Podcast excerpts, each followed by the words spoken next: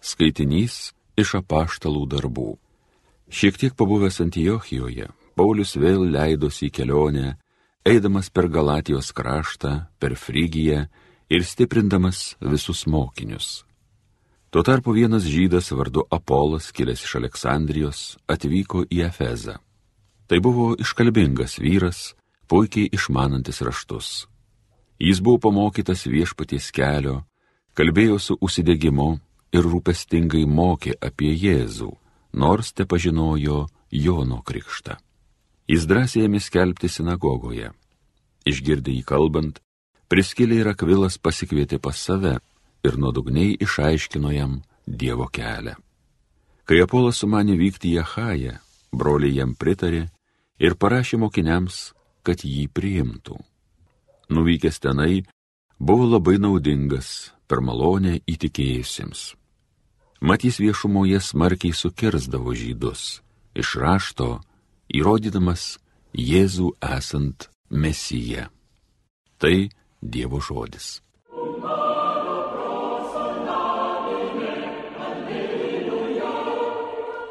Dievas visos žemės valdovas Plokite dėlnais visos tautos, džiaugsmų šauksmais šlovinkit Dievą. Vaišiurpulinga yra Dievo didybė, tai visos žemės aukščiausias valdovas. Dievas visos žemės valdovas. Dievas visos žemės valdovas, gėdokit kaip tik išmanot. Dievas tai tautų viešpats, jis sėdi savo šventajame soste. Dievas visos žemės valdovas. Tautų kunigaikščiai su šia tauta susijungė, kuri garbina Abraomo dievą. Dievo valdžioj visi žemės galiūnai, štai koks jis didingas. Dievas visos žemės valdovas. Alleluja, alleluja, alleluja. Išėjau iš tėvo ir atėjau į pasaulį. Vėl palieku pasaulį ir grįžtu pas tėvą. Alleluja, alleluja, alleluja. Pasiklausykite Šventojios Evangelijos pagal Joną. Jėzus kalbėjo savo mokiniams.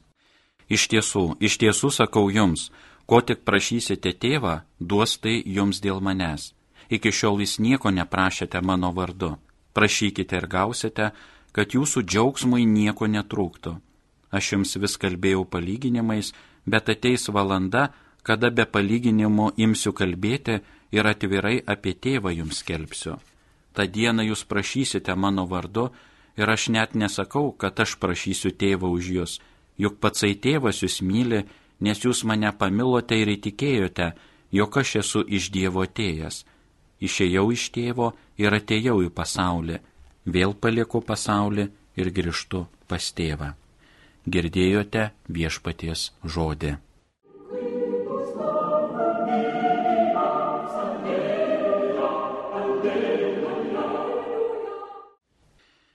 Mėly Marijos radio klausytojai, persiritome į antrą Velykų laikotarpio pusę, bet svarbu yra neskaičiuoti kalendoriškai, tačiau svarbu išgyventi dvasiškai, juk Velykos yra mūsų šio žemiško gyvenimo ašis ir ateinančio dieviško džiaugsmo gyvenimo prieš viešpati su viešpačiu ir viešpatyje irgi dalis. Pažvelkime į šios dienos Evangeliją, kuri buvo evangelisto Jono ištrauka. Mūsų santykiai su tėvu bus kitokie, sako Jėzus. Kai mes tikrai ir iš tikro pažįstame ar žinome apie Dievą, mes tuomet galime eiti pas jį ir prašyti, ko mums reikia. Mes žinome, kad duris atidarytos, kad jo vardas tėvas ir kad jo širdis meilė. Mes panašus į vaikus, kurie visada įsitikinę, kad tėvams malonu, smagu matyti juos ir kalbėti su jais apie ką nori. Jėzus sako, kad kai pas mus bus tokie santykiai su Dievu, mes sugebėsime prašyti jo, ko tik reikės ir jis mums duos. Bet pagalvokime apie tai dabar iš žmogiškosios pusės ir perspektyvos. Kai vaikas myli tėvus ir jais pasitikė, jis puikiai žino, kad kartais tėvai turi jam pasakyti ne, kadangi tėvų išmintis ir meilė geriau žino, ko reikia savo vaikui. Mes galime būti Dievui tokie artimi, kad maldoje jam galėsime įsakyti viską, bet visada jos pabaigoje turi būti sakinys ir mintis tiesie, tebūnie, tėve, tavo valia. Šie nauji santykiai su Dievu įmanomi tik Jėzuje. Jie egzistuoja tik Jėzaus vardu. Tik Jėzaus dėka mūsų džiaugsmas nesunaikinamas ir tobulas, mes turime pilnatvišką pažinimą ir kelias į Dievo širdį mums yra atviras. Viską, ką mes turime, atėjo mums iš Jėzaus ir jo dėka. Jo vardu mes prašome ir gauname, ateiname ir esame priimti. Norėčiau atkreipti dėmesį, jog šios dienos Evangelijoje Jėzus sako, kad jūsų džiaugsmui nieko netrūktų. Norėčiau pažvelgti į tą džiaugsmą, kurį žada Jėzus - nežemiška, o dieviška. Taigi, tarp džiaugsmo ir linksmybės yra iš tikro skirtumas. Ir kad žmogumi tapęs Jėzus Kristus per savo žodį ir bažnyčią mums primena ir kalba, Aš jums tai sakau, kad jumise būtų manasis džiaugsmas ir kad jūsų džiaugsmui nieko netrūktų. Ir manykime, kad jis kalba ne apie mūsų žemiškas linksmybės. Tada labai greit paaiškėja skirtumas tarp linksmybės ir džiaugsmo. Tai nėra vienas ir tas pats. Galima linksmintis ir visiškai nesidžiaugti. Ir galima džiaugtis be išorinių linksmybių Taigi, trys dalykai, kuriuos mes iš viešpaties Jėzaus šiandien turime išgirsti, dar kartą prisiminti ir jeigu reikia išmokti apie džiaugsmą.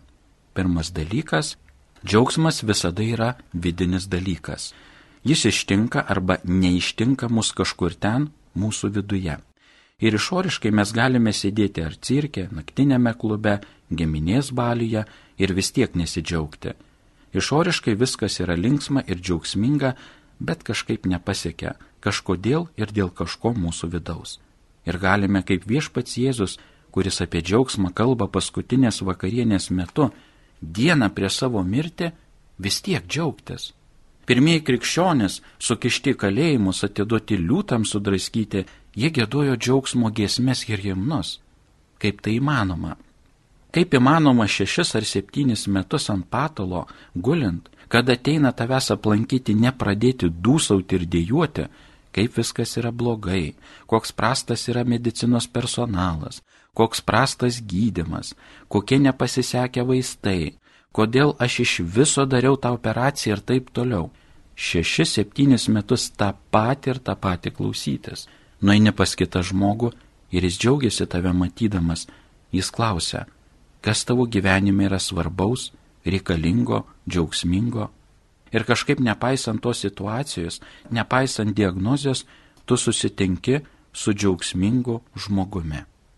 Ir tada klausi savęs, ką savo gyvenime, kur dar turiu sveikas rankas, kojas, galvą ir širdį, ką aš savo gyvenime darau ne taip, kad turėdamas visas tas galimybės eiti kur noriu, liesti ką noriu, daryti ką noriu, nenunešu to džiaugsmo, nes neturiu savo viduje jo.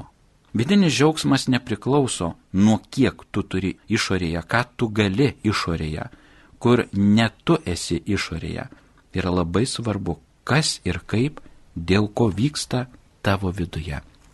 Iš savo patirties dar vieną įvykį noriu papasakoti, kai lankiau 94 metų mučiutę prieš pat kūčių, kalėdų šventės prieš keletą metų paprašė artimiai suteikti patepimą. Ji buvo tiek samoninga, kad manęs po apieigų, nors jai buvo sunku kalbėti, jie jėgas išeikvodavo ir pavargdavo, jinai mane po ligonio patepimo apieigų paklausė, kunigė, ar jūs nepavargstat prieš kalėdas, tiek rūpešio, išpažinčių, rūpintis kalėdų šventėmis? Aš žinokit suglumau kad žmogus pats kovodamas su mirtimi, su lyga, su kančia, tiek dvasinė, tiek fizinė, jis sugeba paklausti kito, kuris atėjo jo plankyti, sustiprint, atvirkščiai. Jie sustiprino mane. Nuostabus dalykas ir tai tikrai nežmogiški, nepaprasti dalykai. Antras dalykas apie džiaugsmą yra susijęs su pirmuoju, su tuo vidumi. Džiaugsmas yra susijęs su mūsų vientisumu. Ką tai reiškia? Tai reiškia, kad kada mano mintis, troškimai, galimybės turi tikslą, gerą tikslą ir visa yra tam tikslui nukreipta bei pavesta. Jeigu aš turiu, pavyzdžiui, šeimą ir turiu vaikus, namus ir turiu visą tai, kas su tuo susiję, ar džiaugsmas man yra turėti šonę moterį ar vyrą, pas kurią aš paslapčiom ar kurį pabėgu nuo savo šeimos ir su ja ar juo apturiu džiaugsmą, nes džiaugsmo nebeturiu savo šeimoje. Ar toks padalintas gyvenimas, tokia padalinta širdis, toks pasidalinęs mąstymas, ar jis gali dovanoti ir dovanoja vidinį ilgalaikį džiaugsmą? Ne. Ar kai aš nuėjęs į darbą savo kolegoms, savo pavaldiniams, savo viršininkams sakau vieną, o už nugaros, kai jie nemato, sakau visai ką kitą, ar tai gali tapti vidiniu džiaugsmu? Tai galbūt pikdžiuga, kerštu, pavydu, bet džiaugsmu tikrai ne. Ir kai broliai seserys gyvename savo troškimuose, savo mintise, savo jausmuose pasidalinę, neįmanoma patirti tikro džiaugsmo. Reikia kažkokiu būdu save sulibdyti, suintegruoti taip, kad tai, ką tu sakai, būtų tai, ką tu darai. Kad tavo sakymo ar darimo tikslai būtų kilnus, būtų gražus. O jeigu juose yra sumeluotų dalykų, kuriuos meluoji pats ar pati savo pirmiausia, meluoji kažkam kitam. Tikėtis, kad tu patirsi džiaugsmą, argi taip galima. Džiaugsmas reikalauja vidaus dalyko. Ir džiaugsmas, kad jis mus ištiktų, reikalauja jog mes savo viduje būtume kuo vientisesni, tai yra integruoti. Tai nereiškia, kad mes šimta procentų visada ir esame tokie, bet mes jau bent žinome, ko turime siekti, kad galėtume patirti, kad galėtume būti ištikti džiaugsmo, apie kurį kalba žmogumi tapęs mūsų aukščiausias pavyzdys - Dievas Jėzus Kristus. Ir paskutinis trečias dalykas ko reikia, kad mes patirtume, kad mus ištiktų tikrasis džiaugsmas. Reikia to džiaugsmo tikėtis per kitų džiaugsmą. Nudžiungu, kada kitas džiaugiasi dėl to, ką aš pasakiau ar nepasakiau. Dėl to, ką aš padariau ar susilaikiau daryti. Dėl to, ką kitas dėl manęs ir per mane patyrė ir tai jį, ją ar juos pradžiugino. Tada ištinka džiaugsmas. Jis nėra įlindus į kampą, į savo vidų, dirbant tik su savo vientisumu, įvykstantis dalykas reikalinga tos trečios sąlygos. Reikia, kad tavo vidus, tavo vidaus vientisumas ir iš jo kylanti žodžiai bei veiksmai pradžiugintų kitą. Štai trys sąlygos. Jėzus Evangelijoje primena, aš jums tai sakau, kad jumise būtų manasis džiaugsmas ir kad jūsų džiaugsmui nieko netrūktų. Viešpatė, leisk mums išdrysti, pažiūrėti savo vidų. Leisk mums išdrysti ir pajėgti savo viduje, savo mintise, troškimuose, emocijose, pasidaryti tinkamą ir reikiamą peržvalgą. Ir susidėlioti, kas yra svarbu, o kas nėra svarbu. Kas yra mumise tiesa, o kas nėra mumise tiesa ir galiausiai leisk viešpati mums savo gyvenimu, mintimis, žodžiais ir darbais džiuginti kitus, nes tik tada patirsime apie kokį džiaugsmą tu kalbi ir kokios džiaugsmo pilnatvės turime siekti ir galime pasiekti. Amen. Aleliuja.